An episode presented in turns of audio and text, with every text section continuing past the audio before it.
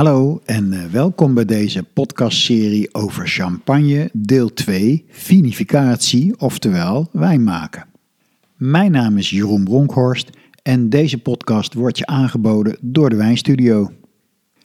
In de vorige podcast hebben we uitgebreid gekeken naar de wijnregio Champagne, de viticultuur, oftewel het wijn maken, en het terroir, de plaats waar de druivenstok staat en de invloeden van klimaat en bodem op de druif. We sloten af met het jaarritme in de wijngaard. En nu komen we toe aan het meest spannende deel wat mij betreft, en dat is de vinificatie. Om een goede champagne te maken zijn twee zaken het allerbelangrijkst. Ten eerste begint alles met de kwaliteit van de druif. Daarvoor heb je een goed terroir nodig, de passende druiven en een wijnboer die precies weet wat hij daarmee moet doen. Plus een stukje geluk, want het blijft altijd een landbouwproduct. Je bent afhankelijk van de natuurlijke omstandigheden, het weer. En de tweede factor is de vinificatie, het wijnmaken. En daarvoor heb je een hele goede wijnmaker nodig. Iemand die precies weet wat hij doet. En overigens is dat ook heel vaak een vrouw. Proef maar eens een champagne en let maar op of stel je voor dat je een champagne proeft. Het is altijd heel schoon en zuiver en fris. Het minste foutje zul je meteen merken. Champagne wordt gemaakt volgens de methode traditionnelle. In Frankrijk wordt dat methode champenoise genoemd. En die naam mag alleen daar gebruikt worden.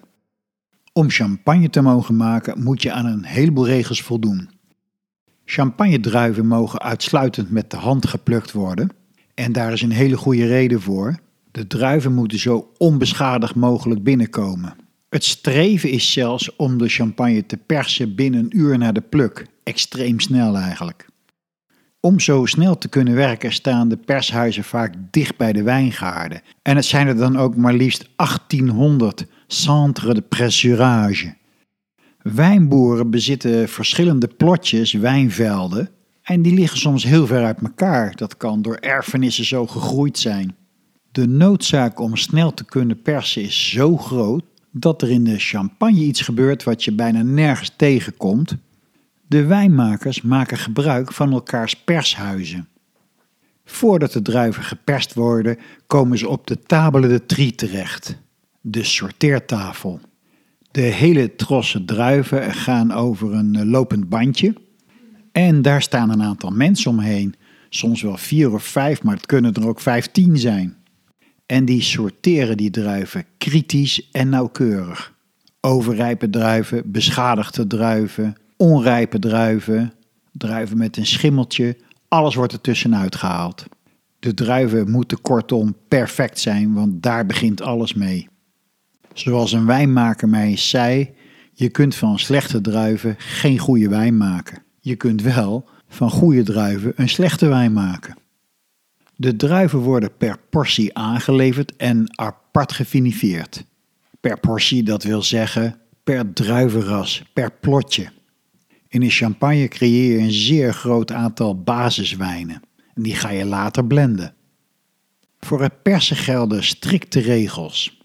De trossen worden in hun geheel geperst en om te voorkomen dat er kleur en tannine in die wijn komt, moet de persing heel zacht zijn. Het staat gelijk aan de druk tussen een duim en een wijsvinger. En wijnmaker zei me een keer, je zou in de pers kunnen gaan liggen. Ik heb heel even overwogen om het uit te proberen. Je ziet in de champagne nog veel houten persen. En er wordt zowel gebruik gemaakt van verticale persen als horizontale persen. In de champagne pers je verplicht 4000 kilo druiven per keer. Bij de eerste persing mag daar maximaal 2050 liter uitkomen. Dat is de topkwaliteit en dat heet QV. Van wat overblijft mag je een tweede persing maken, maximaal 500 liter, en dat is de taille. Dat is een mindere kwaliteit, de smaken zijn harder door de steeltjes en de schillen en de pitjes. Je krijgt daarin meer tannine en meer zuren. Toch wordt een deel daarvan vaak wel gebruikt om wat meer structuur aan de wijn te geven. En tenslotte heb je nog een derde hele harde persing. Dan krijg je nog eens maximaal 50 liter. En die heet Rebeche. Die rebèche kun je laten vergisten en dan krijg je een wijn die echt niet lekker smaakt. Zuur en hard met veel tannine. Maar je kunt dat nog wel distilleren. In Italië heet dat product grappa. In Frankrijk heet dat eau de vie of marc, M-A-R-C. Het wrange en bittere, de tannine is verdwenen. Maar het karakter van het druivenras blijf je wel proeven in het distillaat. Mark van eh, Pinot Noir of mark van Chardonnay smaken verschillend. Vaak heeft de mark fruitige en bloemige aroma's. En je kunt het ook weer extra smaken geven tijdens de rijping. Want opvoeding in vaten van eiken, kastanje of moerbei geven er ieder een eigen karakter aan. En nu we het toch over die champagne-distillaten hebben, er wordt ook Fin de la Marne geproduceerd. Dat is een distillaat van wijn, niet van het persrestant. Het is daarmee vergelijkbaar met cognac, armagnac en brandy en het is verfijnder van smaak dan mark. En dan is er nog ratafia, een drank die geproduceerd wordt in de Bourgogne en de Champagne. Het is een lichtzoete drank, goud of amber gekleurd, met een smaak van honing en gedroogd fruit. En een alcoholgehalte van ongeveer 18%. De verfijnde stijl maakt Ratafia een heerlijk apparatief en een lichte dessertwijn. Ratafia de Champagne is een mistel. Ik zal je uitleggen wat dat is. Van wijndruiven pers je druivensap en het hou je apart. Na het persen hou je pulp over, die laat je fermenteren tot een soort wijn. Die wijn gebruik je niet, je gaat het distilleren tot ongeveer 40%. Dat distillaat voeg je toe aan het druivensap totdat je een drank hebt van ongeveer 18%. Die toevoeging van distillaat heet in het Frans mutage, ofwel verandering. Omdat het alcoholgehalte boven de 15% is uitgekomen, sterven alle micro-organismen af. Deze drank kan niet meer vergisten en is jarenlang houdbaar. Nu heb je een mistel gecreëerd. Dat is dus geen wijn en wij noemen het liqueurwijn. Andere bekende mistel zijn Pinot de Charente uit de Cognacstreek en Macvin uit de Jura. En er is Pommeau uit Normandië gemaakt van appels en calvados. Tegenwoordig heeft Ratafia een eigen AOP, Ratafia Champenois. De naam Ratafia komt van het Latijnse rata fiat, wat betekent laat het geratificeerd worden. In vroeger tijden schonk men Ratafia na het ondertekenen van een contract of een verdrag. Overigens wordt zowel in de Champagne als in de Bourgogne Ratafia geproduceerd. Ratafia wordt vaak in een solera opgevoed, maar daar kom ik nog op terug. Tot zover de distillaten, terug naar de persing. Gemiddeld haalt een wijnboer zijn hele oogst in een week of twee, drie binnen. En dat betekent dat er in het pershuis gedurende de oogst 24 uur per dag gewerkt wordt. Na het persen vindt meestal de debourbage statiek plaats. Dat betekent je laat de most bezinken en alle zware deeltjes vallen naar beneden. Dan ga je de most, dat is het troebele sap, nog een keertje oversteken. Van het ene naar het andere vat, zodat de rommel achterblijft. En dat doe je meestal twee keer. Hierna ga je clariferen, filteren of centrifugeren. Nu is de most heel schoon geworden en klaar voor fermentatie. Als je de most niet zo schoon zou maken, loop je een risico op allerlei ongewenste bijsmaken. De wijn is nu klaar voor de fermentatie, de vergisting, en het doel is om maximaal 11% alcohol te bereiken. De vergisting duurt meestal een week, maximaal 10 dagen. Je krijgt dan een basiswijn van 10 tot 11% alcohol, maar soms ook minder. In dat koele klimaat worden druiven niet zo makkelijk rijp. En daarom is chaptalisatie toegestaan, het toevoegen van suiker voor of tijdens de vergisting, zodat je toch zo'n 10,5% alcoholgehalte bereikt. Als je de natuur zijn gang laat gaan, treedt er na de vergisting spontaan een malolactische fermentatie op. Dat is geen vergisting, maar een omzetting van bacteriën, van het harde appelzuur, de malo, naar het zachte melkzuur, de lacto. De meeste champagnehuizen willen dat wel en ze laten het gebeuren zonder in te grijpen. of ze laten het gebeuren bij een deel van de champagne. Je verliest wat frisheid, maar je krijgt een wat vollere smaak ervoor terug. Champagnehuizen die de malolactische fermentatie toestaan zijn bijvoorbeeld Charles Heidsieck, Laurent Perrier, Mum, Paul Roger en Veuve Clicquot. Maar een huis als Reuderer wil dat niet, want ze zeggen we verliezen te veel fruit daarmee. Nou, als je het niet wilt, er is een hele simpele oplossing voor. De wijn flink koelen. Dan sterven die bacteriën af en ze komen ook niet meer terug. Het druivensap is vergist tot wijn. En zo'n jonge wijn van de laatste oogst heet vin clair. En nu start de rijping. Dat is altijd wel een aardige vraag aan beginnende wijncursisten. Bestaat er houtgerijpte champagne? En dan zie je mensen heel hard nadenken. En het antwoord is natuurlijk ja, want champagne bestaat uit een blend van allemaal basiswijnen. En die kun je uiteraard op hout laten rijpen, sous zoals het in het Frans genoemd wordt. De champagnehuizen die echt bekend staan om een houtrijping, ook erg lekkere champagnes moet ik zeggen, zijn Cruc en Bollinger. Maar ook Billecard Salmon en allerlei kleine wijnhuizen. Steeds vaker zie je nu houten vaten in de champagnekelder staan. Houtrijping kan plaatsvinden op eh, kleine vaten van 205 liter en die heten een pièce. Maar je komt ook wel barrique tegen, Bordeaux-vaten van 225 liter, een demi van 600 liter en zelfs een voederen van 1000 liter. Kortom, alles kan. Maar hier beginnen de keuzes van de wijnmakers al flink uiteen te lopen. Want bijvoorbeeld bij Henri Giraud worden de basiswijnen gerijpt op amfora's. Al die vaten op een rij is een prachtig gezicht. Maar de wijnmaker had er ook een leuk verhaal over. Kijk, zegt hij, die amforas komen uit Toscane en die amforas komen uit Georgië. En ik vind de kwaliteit van de wijn uit die Georgische amfora's beter dan die uit de Toscaanse amfora's. Dus voortaan ga ik die gebruiken. Nou, nu begint het interessant te worden. Ik was er een paar jaar niet op bezoek geweest en pas geleden was ik er weer.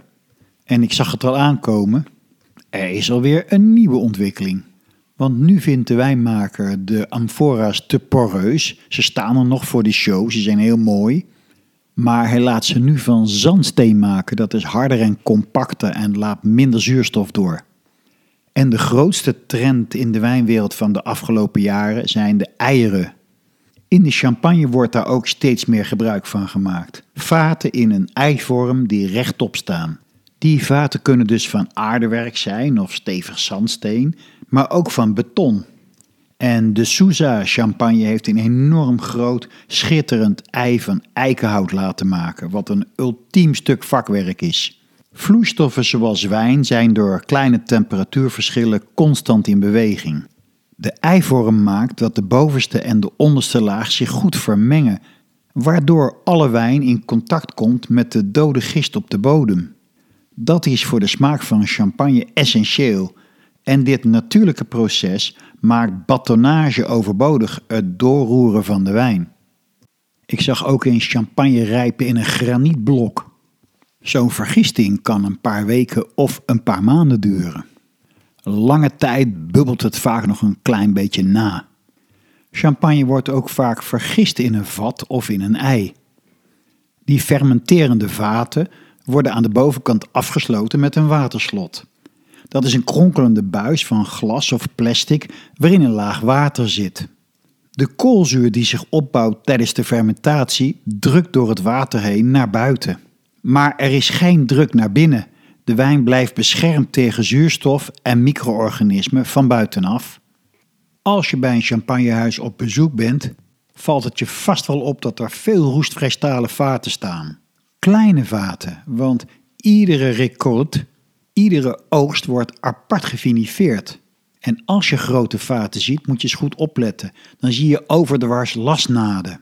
Dat zijn geen grote vaten, dat zijn kleine vaten die op elkaar gestapeld zijn en aan elkaar gelast, om ruimte te besparen. De basiswijnen zijn eigenlijk altijd zeer droge wijnen, vaak schraal met een hoog zuur. Je krijgt ze zelden te proeven, want de gemiddelde mens vindt ze helemaal niet lekker. Om daar een mooie wijn van te maken, gaat de wijn geassembleerd worden, samengesteld.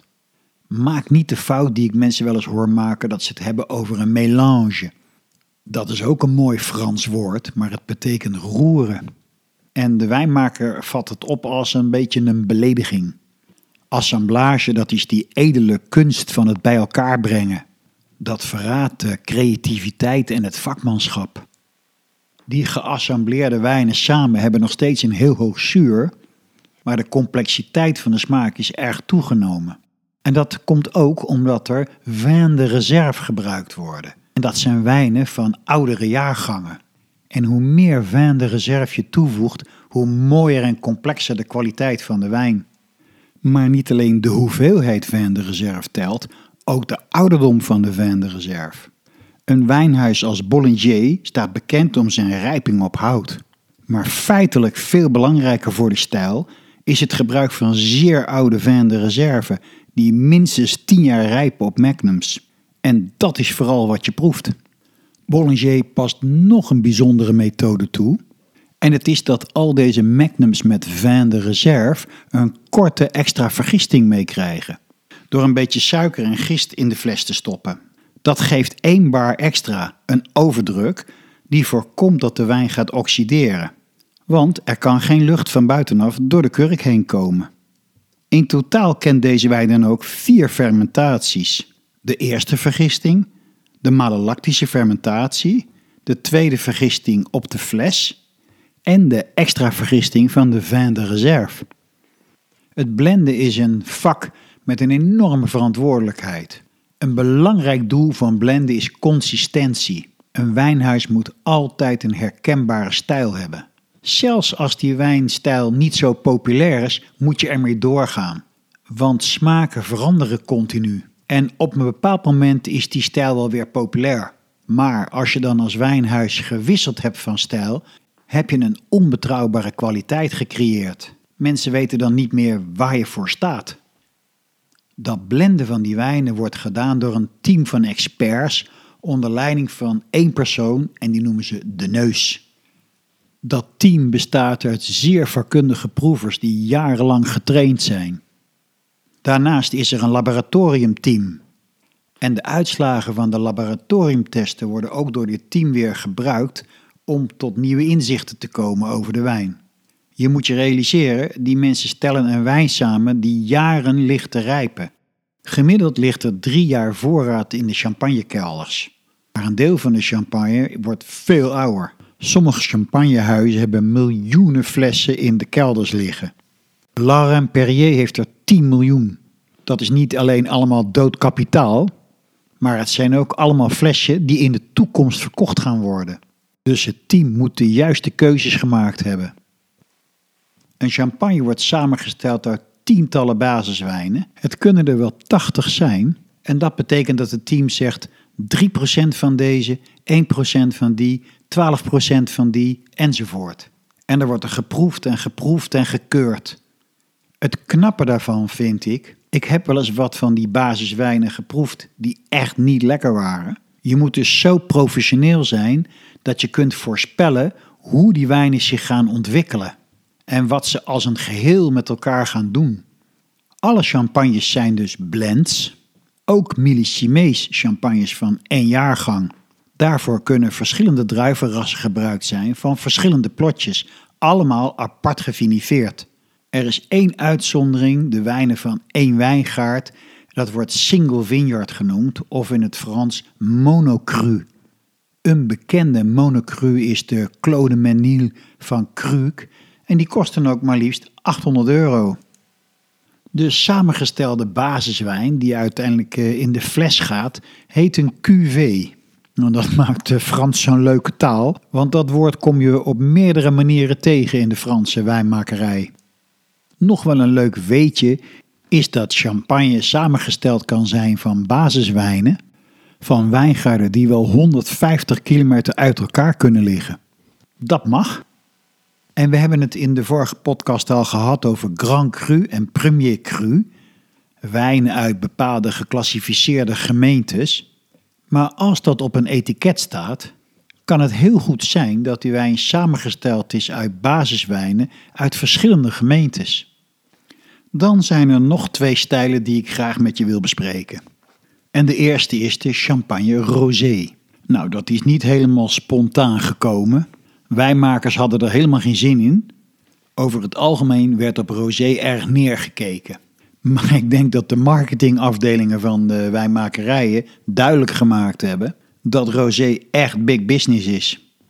Wat zijn champagnebedrijven gaan doen? Nou, ten eerste hebben ze geanalyseerd wat is een rosé en wat verwachten mensen daar eigenlijk van. En daar kwam toch wel uit dat rosé vooral een wijn is die fruitig moet zijn. En de meeste rosé-champagnes voldoen aan dat beeld. Rosé-champagne wordt vrijwel altijd gemaakt door het toevoegen van stille rode wijn, uiteraard uit de champagne. Dit gebeurt in de laatste fase van het blenden van basiswijnen, zodat de wijnmaker de kleur precies kan bepalen. Er is ook nog een andere manier van champagne rosé maken en die heet saigner. Dat betekent bloeden. Als je een Saint-Jean biefstuk bestelt, is die rood gekleurd, kort gebakken. En daarmee bloederig. Dat klinkt eigenlijk een stuk minder leuk dan Saint-Jean.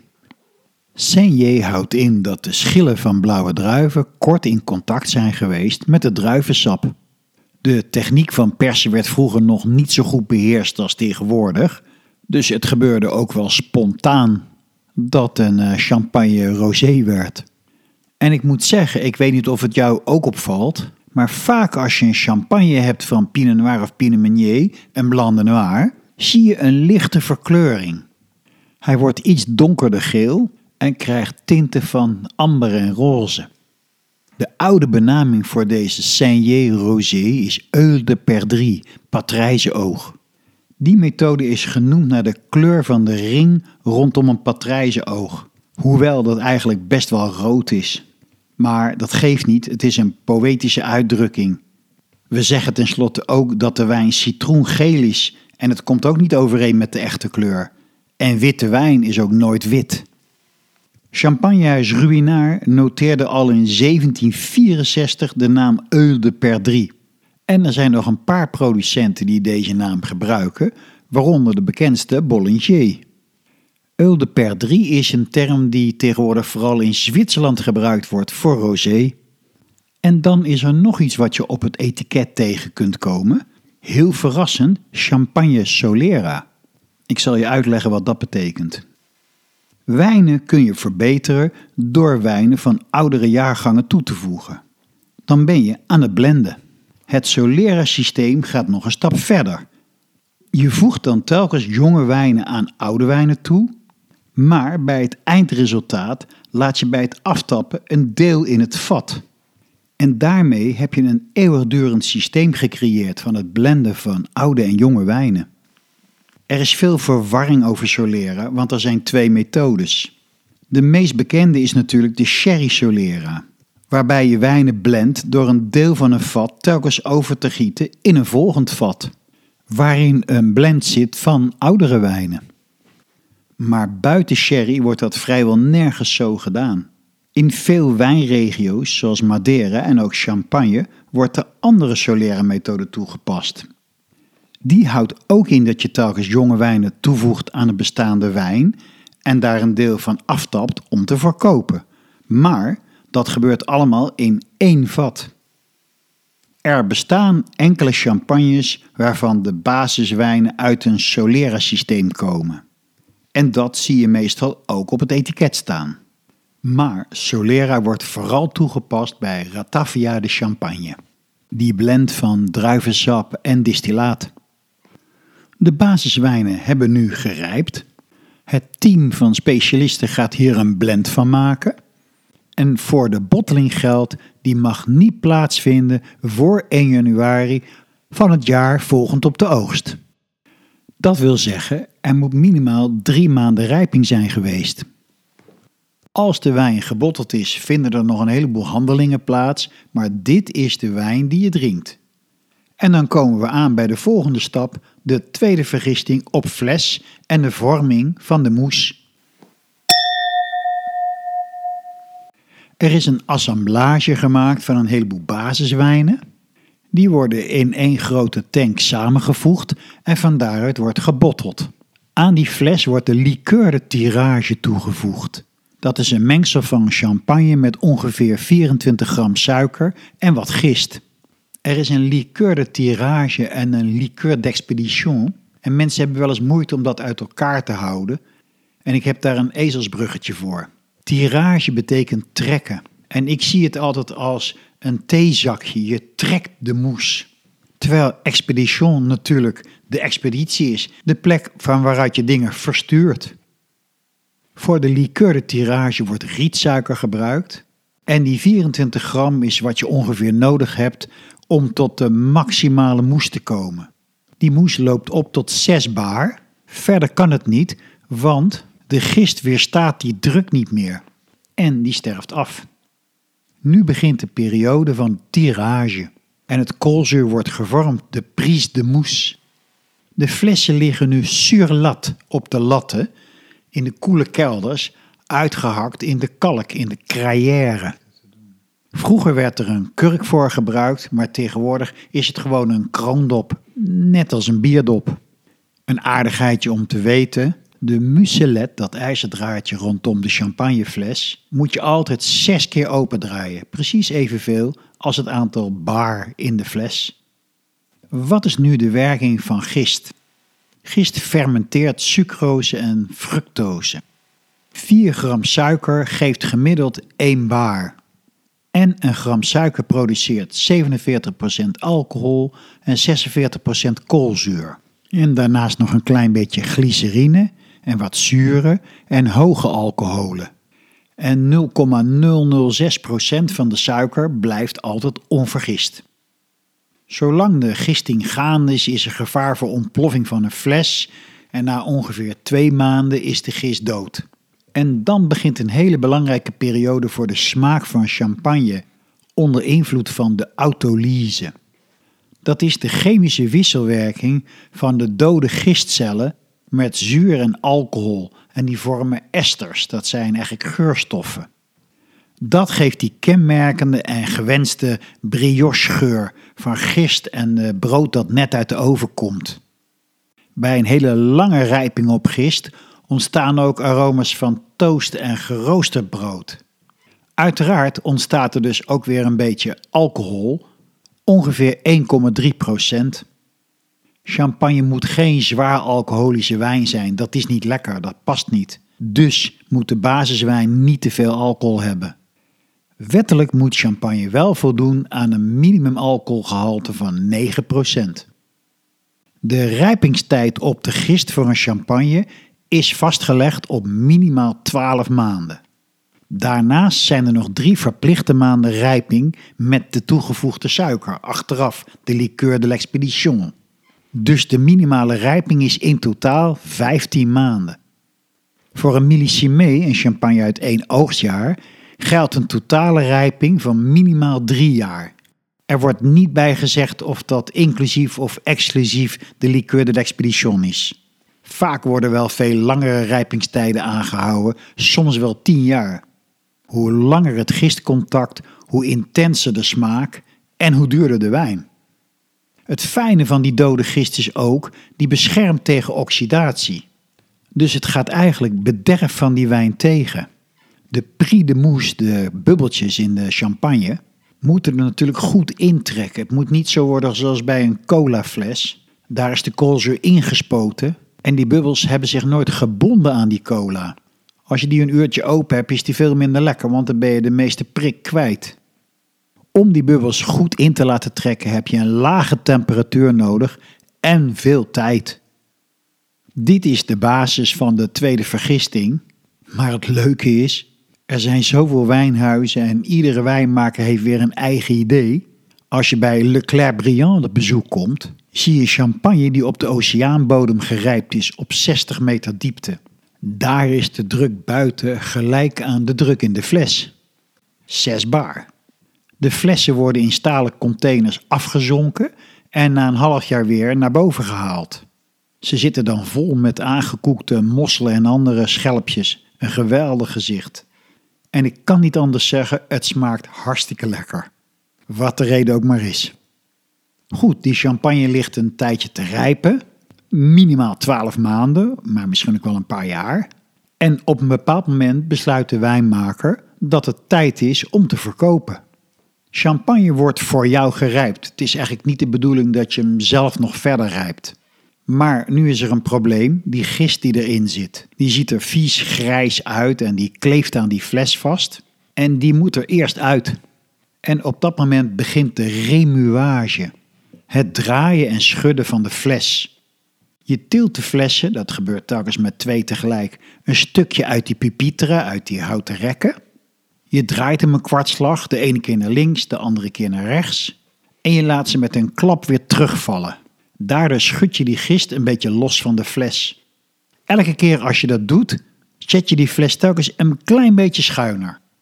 Totdat hij uiteindelijk helemaal ondersteboven staat, surpoint, op zijn punt. Die remuage is handwerk en het duurt gemiddeld acht weken. En het schijnt dat een remueur tot 40.000 flessen per dag kan doen. Ik vroeg me altijd af, krijgt hij geen RSI? Totdat ik het een keer zag. Heel leuk. Een remueur doet het heel soepel vanuit zijn polsen. Er zit een bepaald ritme in. Het gaat ook heel snel, moet ik zeggen hoor. Als een remueur 25 jaar gewerkt had, werd er een gang naar hem vernoemd. Dan kreeg hij een koperen plaatje. Maar die tijd is wel een beetje voorbij. Tegenwoordig gebeurt alles in giropalet. Stalen containers met 504 flessen. Mechanisch, volautomatisch, in een week klaar. En dan staan de flessen surpoint. De gist staat nu surpoint en kan verwijderd worden. Dat gebeurt door het dégorgement. En als je dat woord wil onthouden, denk dan maar aan de Franse snelwegen. Daar zie je vaak waarschuwingen gorge. En dat betekent wegversmalling. Een gorge is een keel. Bij dégorgement moet de gist uit die keel verwijderd worden. Dat doe je door de hals te bevriezen met stikstof bijvoorbeeld, bij een temperatuur van ongeveer min 27 graden. Dan zet je de fles rechtop en verwijder je de kroondop. Door de zesbaar druk schiet het propje met gist eruit. Het verwijderen van de gist blijft een intensief proces. En natuurlijk is er over nagedacht of dat ook anders kan. Moet en Chandon heeft daarvoor iets ontwikkeld, de dosage de bile. Dit zijn 400 kleine bolletjes, ongeveer zo groot als caviar, gemaakt van Bretonse algen. Een soort zeewier dus. Die bolletjes zijn gevuld met gist en suikers. De bolletjes blijven intact, maar ze zijn poreus. Dus er vindt een uitwisseling plaats tussen de wijn en de gist en de suikers. En de wijn wordt er niet troebel van. Je hoeft dus geen remuage meer toe te passen, het draaien van de flessen om de gist los te schudden en surpoint te brengen. Op het moment dat je de fles verkoopklaar wil maken, kun je direct het dégorgement toepassen. Dat wil zeggen, je haalt de kroondop eraf, je laat die bolletjes van algen met suiker en gist eruit ontsnappen en dan kun je desgewenst de liqueur de dosage toevoegen. Het is een slim idee, het bespaart je heel veel tijd en arbeid. Maar ik heb niet gezien dat het echt doorgezet heeft. Ik zie ook niet andere bedrijven die het overgenomen hebben.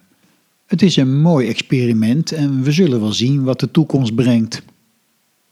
Tijdens dat dégorgement schiet er dus een propje met gist uit de fles. Maar helaas ook wat champagne en dat moet direct weer bijgevuld worden. Dit is het moment om de zoetheid van de stijl te bepalen. En je voegt dan de dosage toe met liqueur d'expédition, een mengsel van champagne met suikerstroop. Dat is toch wel grappig, zo'n hele dure wijn mag je gewoon aanzoeten met suiker. Die dosage bepaalt dus de zoetheid van de champagne en dat is allemaal wettelijk vastgelegd. Als je helemaal niks van suiker toevoegt, creëer je een brut natuur of zero dosage, kurkdroog. Die mag wettelijk 0 tot 3 gram suiker bevatten. Dat kan ook restsuiker van de wijn zijn. Daarna krijg je een extra bruut, die mag 0 tot 6 gram suiker per liter bevatten. Gemiddeld meestal 2 tot 4 gram. Dan komt de bruut, veruit de meest verkochte champagne, de bekendste. Die heb je in stijlen van droog tot off-dry. Het restsuikergehalte mag 0 tot 12 gram zijn. En dat vind ik toch wel opmerkelijk. 0 gram of 12 gram, dat is een enorm verschil in smaak. Zeker in zo'n verfijnde wijn waarin je alles zo goed proeft. De gemiddelde bruut champagne bevat 4 tot 6 gram restsuiker per liter. Daarna krijg je de extra sec, 12 tot 17 gram per liter. En hier kun je het zoet al duidelijk proeven. Dan volgt sec, 17 tot 32 gram per liter. Eigenlijk bizar dat dat sec heet, want het is absoluut niet meer droog. Daarna krijg je demi-sec, 32 tot 50 gram. Dan spreek je in feite over een dessertwijn. En de rijkste is doux, meer dan 50 gram restsuiker per liter. Nog even over die meest verkochte champagne, die Brut. Vraag maar eens aan mensen welke champagne drink je en iedereen zegt ja, ik uh, koop Brut. Maar als je dan vraagt waarom, heeft niemand daar een antwoord op. Ze denken dat dat de beste is. Bijna niemand weet dat dat het zoetgehalte van de wijn is. En wanneer drinken wij die champagne? Nou, eigenlijk vooral met oud en nieuw, met oliebollen. En dat is helaas de slechts denkbare combinatie mogelijk. Bij oliebollen zou je een douche champagne moeten drinken. Als je er überhaupt al champagne bij wil drinken. Na de dosage wordt de champagne een aantal keren op zijn kop en weer teruggezet om het mengsel goed te mengen. En daarna volgt de mariage. Fransen hebben toch zulke prachtige woorden voor dingen. Mariage, oftewel huwelijk. Een periode van drie maanden waarin de dosage zich gaat mengen, een huwelijk aangaat met de wijn. In vroeger tijden werd dosage wel gebruikt om een slechte kwaliteit te maskeren. Vergelijk het maar met de beginperiode van vermoed. Dat was hetzelfde idee. Een min of meer mislukte Nebbiolo aanlengen met suiker en veel kruiden, dan werd het wel wat. Nu is dat niet meer zo hoor. Vroeger werd bij champagne zelfs cider gemengd. Appeltjeswijn. In de beginperiode was champagne ontzettend zoet, met vaak wel meer dan 200 gram suiker. En het grappige was, hoe rijker je was, hoe zoeter je het kon maken. Het zijn de Engelsen geweest die gevraagd hebben om diverse graden van droogheid. Engelsen zijn al heel lang grote liefhebbers en consumenten van droge champagne. Een probleem voor champagnemakers is dat het alcoholgehalte nu van nature hoger is dan vroeger en als reactie erop wordt er tegenwoordig meer extra bruut geproduceerd. Champagne waar geen suiker aan toegevoegd wordt. Want alcohol maakt een wijn ook zoeter. Moët Chandon heeft zich gerealiseerd dat de meeste mensen bruut champagne kopen, maar eigenlijk niet van bruut houden. Hun dosage zit dan ook aan de hele hoge kant. En dat kun je goed proeven. En de gemiddelde consument vindt dat lekker. Na de dosage gaat de bouchon op de fles, de kurk. En daarop de plak, dat metalen schildje. Dat is populair onder verzamelaars. Er zijn zelfs ruilbeurzen. En dat verzamelen heet Placomusfolie. Op 11 november is de belangrijkste ruilbeurs van Plax in de Champagne. Op die dag is er een défilé en er wordt het einde van de Eerste Wereldoorlog herdacht. Sowieso leeft de Eerste Wereldoorlog nog steeds heel erg in Frankrijk. Er zijn overal monumenten met namen van gevallenen, les enfants de la patrie, voor de soldaten, kinderen van de oorlog. Maar gelukkig is dat ook weer een aanleiding voor een mooi feestje. Dan volgt de musselet, een ander woordje voor muilkorf. Het etiket gaat op de fles en de capsule. Dat is dat folie wat over de fles heen gaat. Is het je wel eens opgevallen dat de capsule bij champagneflessen altijd erg lang is? Dat heeft een reden. Bij dégorgement, als de gist verwijderd wordt, verlies je wat champagne die eruit vliegt. Vroeger wilde men dat niet aanvullen, want ja, dat kost ook geld. Dus wat deed je dan? Een hele lange capsule over de fles, zodat je het niet kon zien. Nu weten ze dat het niet slim is. Je krijgt veel te veel zuurstof in werking, dus de fles wordt keurig aangevuld.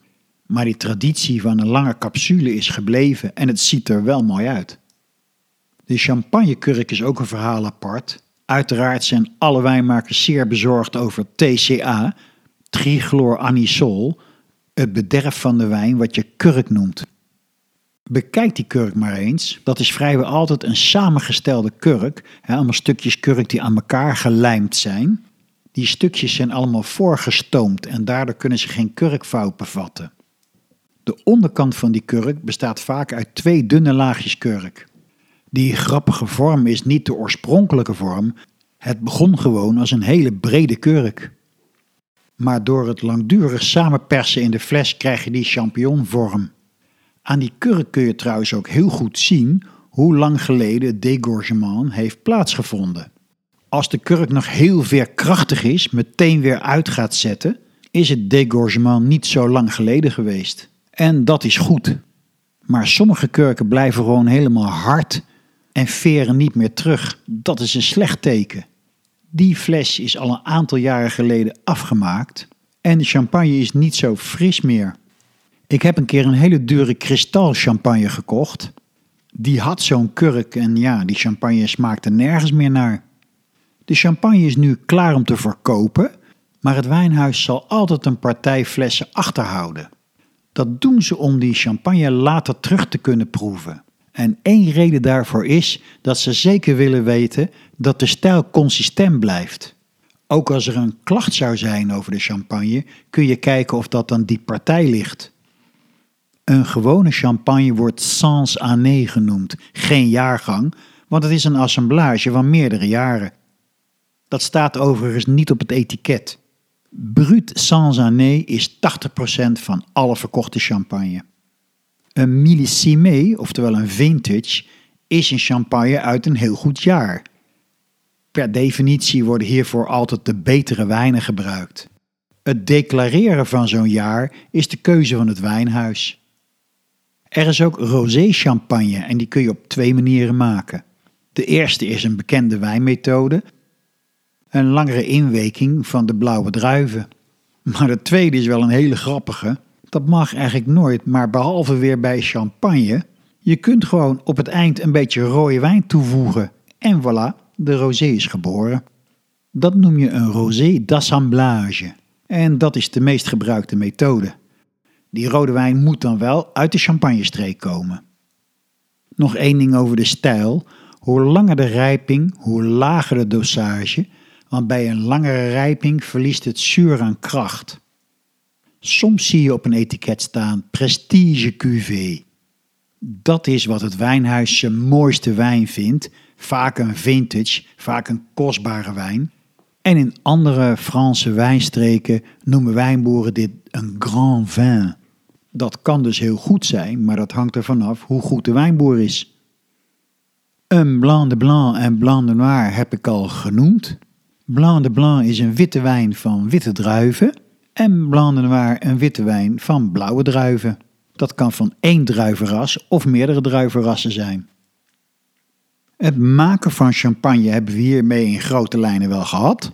En we gaan door met het kopen en proeven.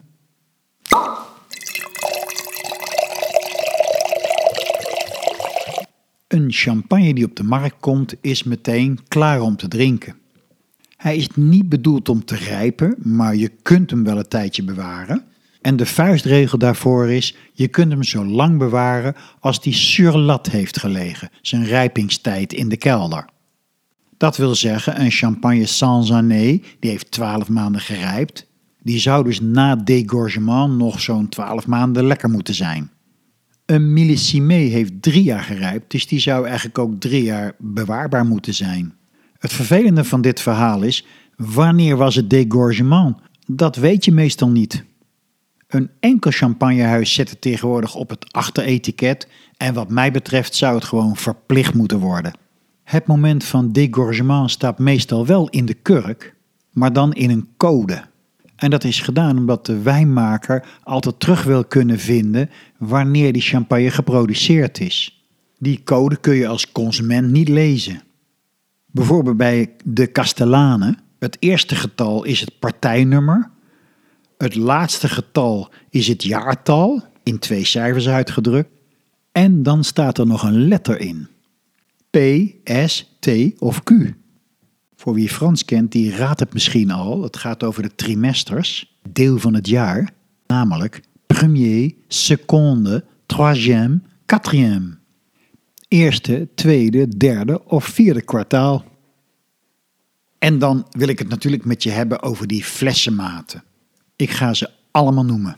Leuk om te weten, vanaf Jeroboam zijn het namen uit het Oude Testament meestal koningen. Behalve soeverein, want dat is Frans voor koning. We beginnen natuurlijk met de kleinste, de huitième, ofwel 1 achtste fles, ongeveer 0,1 liter. Dan volgt de piccolo, een kwart fles, ongeveer 0,2 liter. Daarna komt de demi-bouteille, een halve fles, 0,375. En een bouteille, 0,75, 3 kwart liter. Dan gaan we naar de grotere jongens. De Magnum, twee flessen, anderhalve liter. De Jeroboam, vier flessen, 3 liter. De Rehoboam, zes flessen, 4,5 liter. De Methusalem of de Imperial, 8 flessen, 6 liter. En we zijn er nog lang niet. De Salamanzar, 12 flessen, 9 liter. De Balthazar, 16 flessen, 12 liter. De Nebukadnezar, 20 flessen, 15 liter. De Melchior of de Salomon, 24 flessen, 18 liter. De Souverain, 35 flessen, ruim 26 liter. Primat, 36 flessen, 27 liter. En tenslotte, bijna niet te geloven, de Melchizedek of Midas, 40 flessen, ofwel 30 liter. Nou, zo'n fles kom je niet zo vaak tegen in je leven, denk ik. Ik heb een leuk ezelsbruggetje voor die namen. Dat gaat als volgt. My Judy really makes some belly noises. Vrij vertaald als Mijn dienstmeid maakt buikgeluiden. En dat staat voor Magnum, Jeroboam, Rehoboam, Methusalem, Salmanazar, Balthasar en Nebukadnezar. Vanaf Rehoboam, flessen van 4,5 liter, is remuage niet meer mogelijk. De rijping van deze champagne vindt dus plaats in magnums die daarna overgegoten worden. Als je op internet weer eens wat uh, maten tegenkomt, zul je zien dat het vaak verkeerd verteld wordt, maar nu weet je hoe het zit. En dan wil ik ook meteen de termen op het etiket met je behandelen. Je moet er wat Frans voor kennen, maar ook zonder dat kan ik je goed op weg helpen. Je vindt op een etiket allerlei afkortingen.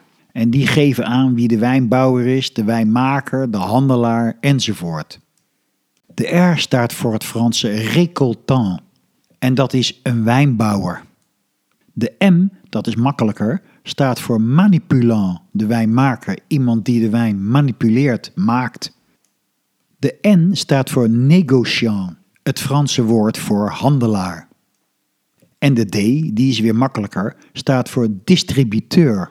Dat is degene die de naam aan de wijn geeft. De C staat voor coöperatief. Dat staat voor de coöperatie, de vereniging van wijnboeren. En de S staat voor société, een vereniging. En nu je dit weet, kun je al die termen lezen. RM, récoltant manipulant, een wijnboer die van zijn eigen oogst in zijn eigen kelder champagne maakt.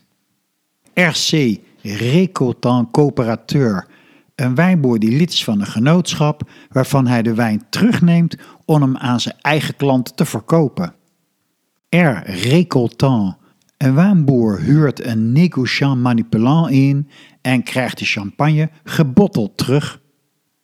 SR, Société de Récoltant, een vereniging van onafhankelijke wijnboeren die van de oogst van haar leden champagne maakt en bottelt. NM, Négociant Manipulant. Deze handelaar of dit huis oogst of koopt druiven, most of basiswijnen en verwerkt ze in zijn kelders tot champagne. ND, Négociant Distributeur. Een wijnhandelaar of handelsmaatschappij die gebottelde champagne koopt en van etiketten voorziet. CM, Coöperatief de Manipulation. Een genootschap van wijnboeren dat van de druiven van zijn leden in eigen kelder champagne maakt en laat rijpen. En dan gelukkig de laatste, MA, Mark Auxiliaire, ook wel markacheteur. Een handelaar, geen eigenaar van het merk, koopt flessen met etiket. Dat is hoe de meeste supermarkten werken. En daarmee ben ik aan het eind gekomen van dit tweede deel. Ik hoop dat je het leuk vond, dat je het interessant vond. Hier en daar is het misschien een beetje technisch, een beetje veel feiten op een rijtje. Je hoeft het echt niet allemaal uit je hoofd te leren. Maar je kunt deze podcast ook gebruiken als een soort naslagwerk. Als je weer eens MA op een etiket ziet staan en het niet meer weet, dan kun je bedenken: oh ja, op het einde van deze podcast ging het over flessenmaten en termen op het etiket. De volgende en de laatste podcast in de champagne-serie gaat over de markt, de omzet, de marketing en over duurzaamheid en, heel leuk, over gastronomie. Maar je zal merken, marketing is ook best een leuk onderwerp. En duurzaamheid in de champagne is veel meer dan zomaar een of ander marketingwoord. Dus ik nodig je van harte uit voor de volgende podcast. Mijn naam is Jeroen Bronkhorst en deze podcast wordt je aangeboden door de Wijnstudio. Tot de volgende.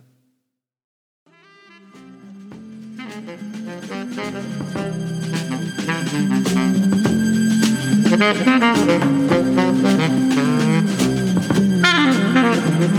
you.